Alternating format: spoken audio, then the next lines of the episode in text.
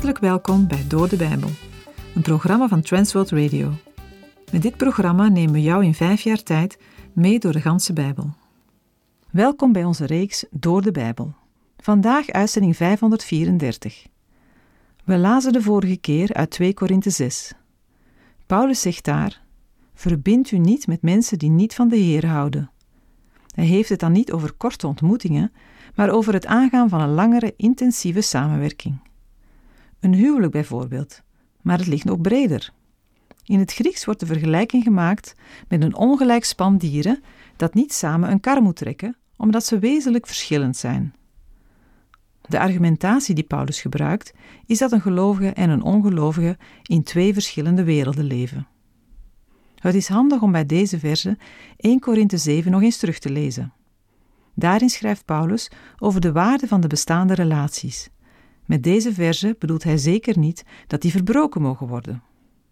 Paulus doelt in deze verse ook op het lidmaatschap van heidense tempels en in het verlengde daarvan het meedoen aan de offermaaltijden of tempelprostitutie. Voor christenen is dat een wereld waar ze ver weg van moeten blijven. Al in het Oude Testament waarschuwt de Heer voortdurend via zijn profeten dat zijn volk geen afgoden mag dienen. God liefhebben en tegelijk bezig zijn met andere religies is onverenigbaar. In deze tijd geldt dat net zo goed als in de tijd van de Bijbel. Er is geen eenheid tussen God en afgoden, ook niet een klein beetje. Licht en donker zijn wezenlijk verschillend. Gelovigen zijn een tempel van de Heere God. Om die reden kunnen zij niet betrokken zijn bij afgoden en alles wat daarmee verband houdt. Paulus noemt God hier de levende God. Dat benadrukt nog eens de tegenstelling met dode afgoden, beelden die niets kunnen.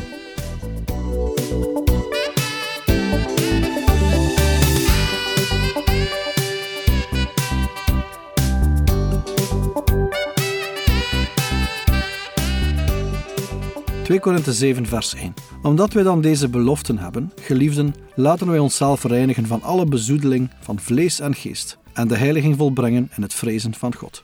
Eigenlijk een beetje vreemd dat dit vers niet bij hoofdstuk 6 hoort, want met dit vers komt Paulus tot de afsluiting en zijn conclusie van het voorgaande gedeelte. Hij verwijst naar de genoemde beloften dat de Heer de gelovigen ziet als zijn tempel, als zijn volk en als zijn kinderen. Zo'n hoge status roept vanzelf op tot een bijpassende levenswandel. Paulus noemt de Corinthiërs nu geliefden. Dat zijn ze in de eerste plaats van God, maar ook van Paulus. Liefde is de motivatie achter alles wat de apostel schrijft, ook achter de vermaningen. De Corinthiërs moeten breken met alle banden met het heidendom. Bij bezoedeling van het lichaam kunnen we denken aan ontucht en tempelprostitutie. Bij een geestelijke bezoedeling moeten we denken aan het deelnemen aan offerfeesten, waardoor mensen in contact komen met slechte geesten. Heiliging is een proces, ook voor ons. Iets waar men voortdurend mee bezig is. Het is zeker dat een gelovige eens en voor altijd geheiligd is door het offer van Christus. Maar dat sluit niet uit dat een christen zich voortdurend moet inspannen om ook tot praktische levensheiliging te komen. In het dagelijks leven kan een gelovige met heel wat vormen van bezoedeling in aanraking komen.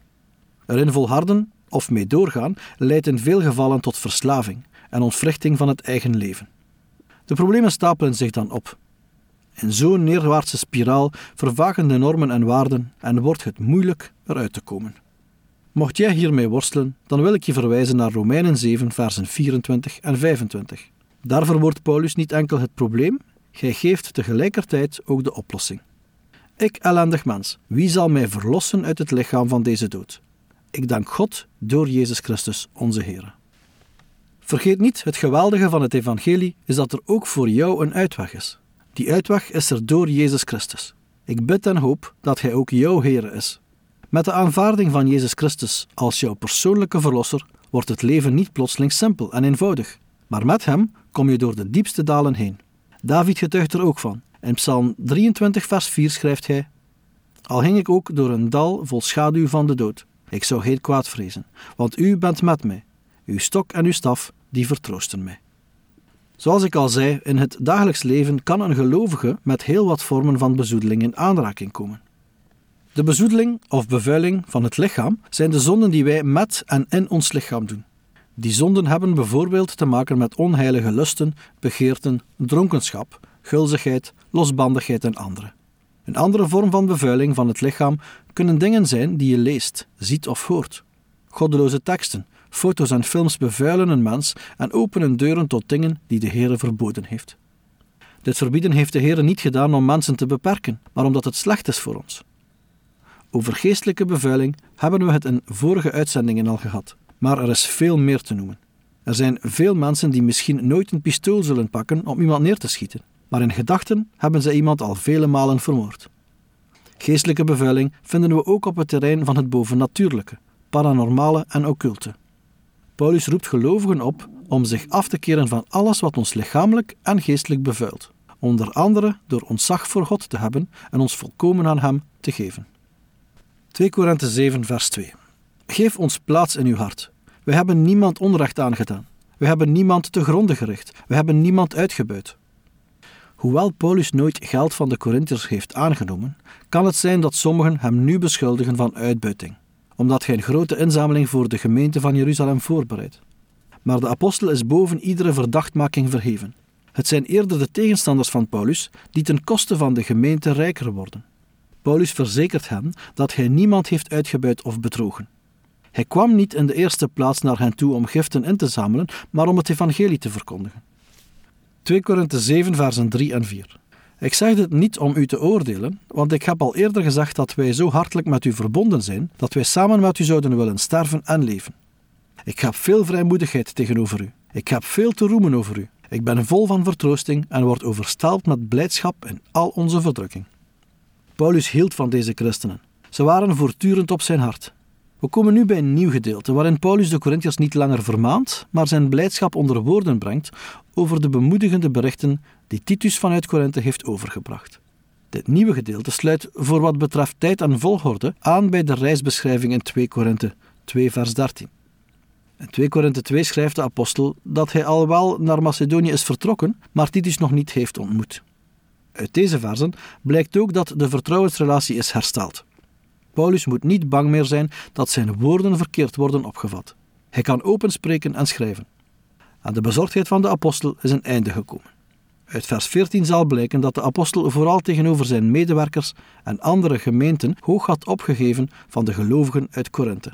De Corinthiërs hebben orde op zaken gesteld. En daarover is Paulus bijzonder blij en dankbaar. Deze bemoediging had Paulus ook wel nodig. Niet alleen in Azië was Paulus vervolgd, maar ook nu, tijdens zijn verblijf in Macedonië, is er sprake van verdrukking en strijd. 2 Korinthe 7, versen 5 tot en met 7. Want ook toen wij in Macedonië gekomen waren, heeft ons vlees geen rust gehad. Maar waren wij in alles verdrukt. Van buiten waren er conflicten, van binnen vrees. Maar God, die de nederigen troost, heeft ons getroost door de komst van Titus. En niet alleen door zijn komst, maar ook door de troost waarmee hij bij u getroost werd. Hij deed ons namelijk verslag van uw vurig verlangen, uw treuren en uw ijver voor mij. En zo werd ik des te meer verblijd.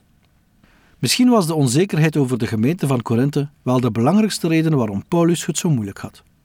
Door het wegblijven van Titus, die door Paulus als persoonlijk gezant naar Korinthe was gestuurd, werd zijn geduld enorm op de proef gesteld. Vandaar de opluchting toen Titus eindelijk met positieve berichten uit Korinthe terugkeerde. De apostel schrijft deze bemoediging niet in de eerste plaats toe aan de inspanningen van Titus of de bereidwilligheid van de Corinthiërs, maar geeft de eer aan de Heer. God is degene die moed geeft aan de moedelozen en opbeurt wie te neergeslagen zijn. Het is aan hem te danken dat alles in orde is gekomen. Prachtig dat de Heere Titus gebruikt om Paulus en de anderen te bemoedigen. Titus was door toedoen van Paulus tot bekering gekomen. Hij was van niet-Joodse afkomst en werd door Paulus vaak met belangrijke opdrachten uitgezonden. Titus was destijds met gespannen verwachtingen naar Korinthe gereisd. Toen hij in Korinthe aankwam, werd hij bemoedigd door de veranderde houding van de gelovigen. De brieven van Paulus zijn door de Heer gebruikt als voorbereiding op de komst van Titus. Dat goede nieuws mag Titus ook aan Paulus doorgeven. De veranderde houding van de Corinthiërs blijkt uit het verlangen om de apostel weer te zien, uit hun zorg en inspanning voor de apostel. En wat kunnen wij hiervan leren? De Corinthiërs hadden goede dingen over Paulus gezegd. Ook wij mogen iets positiefs zeggen over iemand anders. Echt, je tong zal niet uit je mond vallen als je dat doet. Iedereen heeft bemoediging nodig. Een dierbare vriend van mij vertaalde me eens: Je weet, ik ben geen complimentgever, maar toch wil ik je zeggen dat ik onze vriendschap enorm apprecieer. En misschien gaat het bemoedigen bij die man inderdaad niet vanzelf, maar hij legt zich er niet bij neer. God heeft hem getoond dat hij daarin moest veranderen. En dat doet hij ook. Misschien vind jij het ook niet eenvoudig, of komt het niet vanzelf. Maar iemand bemoedigen is goed. Zelfs zo iemand als Paulus kon het gebruiken. Ook ik geef graag toe dat wanneer een luisteraar mij en alle andere medewerkers schrijft of mailt dat de programma's voor hem of haar tot zegen en opbouw zijn, wij daar blij van worden. En dat bemoedigt om door te gaan. Dat geldt niet enkel voor deze programma's. Als iemand een opbouwende preek gegeven heeft, laat het weten. Het bemoedigt die persoon om door te gaan. 2 Korinthe 7, versen 8 en 9. Want al heb ik u in de brief bedroefd, ik heb er geen berouw van. Hoewel ik er wel berouw van gehad heb. Want ik zie dat die brief, ook al is het voor een korte tijd, u bedroefd heeft. Nu verblijd ik mij. Niet omdat u bedroefd bent geweest, maar omdat u bedroefd bent geweest tot bekering. Want u bent bedroefd geweest overeenkomstig de wil van God, zodat u in geen enkel opzicht door ons schade hebt geleden. De blijdschap die Paulus heeft ontvangen is bewerkt door een pijnlijke brief, die hij eerder aan de Corinthiërs heeft moeten schrijven. De bedoelde brief zal de in 2 Korinthe 2 vers 4 genoemde tranenbrief geweest zijn. Paulus schreef deze brief vanuit een diep verdriet. Hij was zich ervan bewust dat de brief ook bij de Corinthiërs hard kon aankomen. Toch moest hij de brief schrijven, omdat hij geen andere manier had om zijn liefde voor hen tot uitdrukking te brengen. De bewuste brief is niet bewaard gebleven. Paulus geeft toe dat er momenten zijn geweest waarop hij eraan heeft getwijfeld of deze manier van schrijven de juiste is geweest. De onzekerheid of de brief het juiste resultaat zou hebben, speelde hem daarbij parten. Die onzekerheid is door de berichten van Titus weggenomen. Ook al had hij er eerst spijt van, nu is hij blij dat hij de brief heeft gestuurd. Het verdriet heeft gelukkig niet lang geduurd. Paulus is niet blij dat hij de brief heeft geschreven omdat hij er de Corinthiërs verdriet mee heeft gedaan, maar omdat zij zich daardoor tot de Heer hebben gewaand. Het verdriet dat ze voelden was zoals God het wilde. 2 Korinthe 7 vers 10 Want de droefheid die overeenkomstig de wil van God is, brengt een onberouwelijke bekering tot zaligheid teweeg. Maar de droefheid van de wereld brengt de dood teweeg. Soms gebruikt God verdriet om een radicale ommekeer in ons leven te laten komen en ons te redden. Maar gewoon werelds verdriet leidt tot de dood. Het doel is bereikt. Het verdriet heeft geleid tot een radicale ommekeer of bekering. Het begrip bekering betekent letterlijk verandering van denken, berouw, en houdt in dat een mens zich van binnenuit afkeert van een verkeerde levenswijze. Het gevolg ervan is dat hij of zij terugkeert tot de juiste relatie met God. Net als in vers 6 geeft Paulus de eer aan de Heer. Het is niet zijn overredingskracht die de Corinthiërs heeft overtuigd en tot verootmoediging heeft gebracht. Nee, soms gebruikt God verdriet om een radicale bekering te laten komen en te redden. Hierbij gaat het niet om zinloze pijn die mensen elkaar met woorden kunnen aandoen, maar om een pijn die veroorzaakt wordt als God iemand de ogen opent en een mens zijn zonden ziet.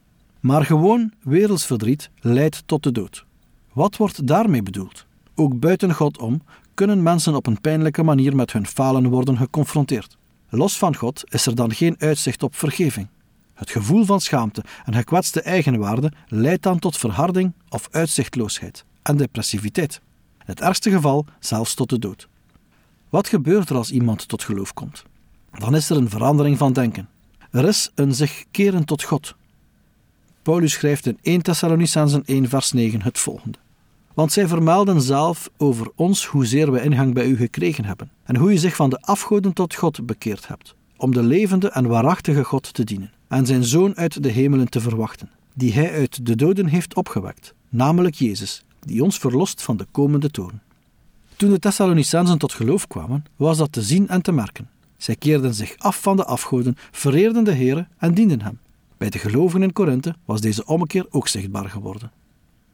2 Korinthe 7 vers 11 Want zie, juist het, dat u overeenkomstig de wil van God bedroefd bent geworden. Wat een grote inzet heeft dat in u teweeggebracht. Ja, wat een verdediging. Ja, wat een verontwaardiging. Ja, wat een vrees. Ja, wat een vurig verlangen. Ja, wat een ijver. Ja, wat een bestraffing. Alles hebt u bewezen zelf verrein te zijn in deze zaak. Een echte bekering is zichtbaar in een verandering van manier van leven. Ik heb het helaas al dikwijls meegemaakt. Sommige mensen willen wel het evangelie, het goede nieuws van redding door genade aannemen, maar zijn daarna niet bereid veel aan hun manier van leven aan te passen. Dirk Prins zegt het zo. Bekering is een van de belangrijkste leerstellingen van het christelijke geloof. Een leerstelling die echter vaak niet goed wordt begrepen, blijkens het leven van veel christenen. Ze worstelen met hun geloof, zoeken en bidden om meer geloof, terwijl in werkelijkheid niet het geloof, maar bekering het probleem is. Deze mensen hebben nooit een echte bekering meegemaakt. Maar bij deze Corinthische gelovigen was hun berouw echt. 2 Korinthe 7, versen 12 tot en met 16. Hoewel ik u dus geschreven heb, was dat niet om hem die onrecht had gedaan, en ook niet om hem die onrecht was aangedaan, maar opdat onze inzet voor u openbaar zou worden bij u, in de tegenwoordigheid van God. Daarom zijn wij getroost door uw vertroosting. En wij zijn des te meer verblijd over de blijdschap van Titus, omdat zijn geest door u allen is verkwikt. Want als ik in enig opzicht bij hem over u geroemd heb, dan ben ik niet beschaamd geworden. Integendeel, zoals wij alles in waarheid tot u gesproken hebben, zo is ook ons roemen tegenover Titus waarheid gebleken. En zijn innige gevoelens voor u zijn des te overvloediger, als gij zich de gehoorzaamheid van u allen herinnert, hoe u hem met vrees en beven hebt ontvangen. Ik verblijd mij dus, omdat ik in alles op u kan vertrouwen. Paulus had zijn hart geopend en heeft zijn diepste gevoelens laten zien. Hij is vol vreugde en blijdschap. Hij is bemoedigd. Dit is Gods troost geweest in het hart van Paulus.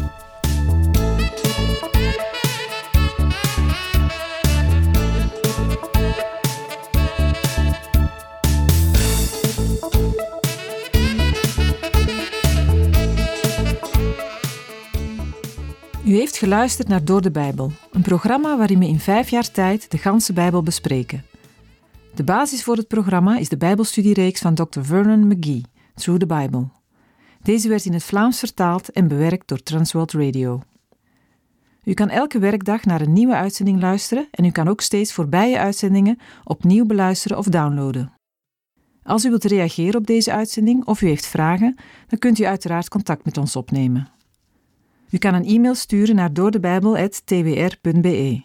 Verder kan u op onze site terecht, www.twr.be, voor meer info en het beluisteren van onze overige programma's. Dit programma werd gepresenteerd door Patrick Couchement en Anne Notenboom. Wij danken u voor het luisteren en graag tot een volgende keer.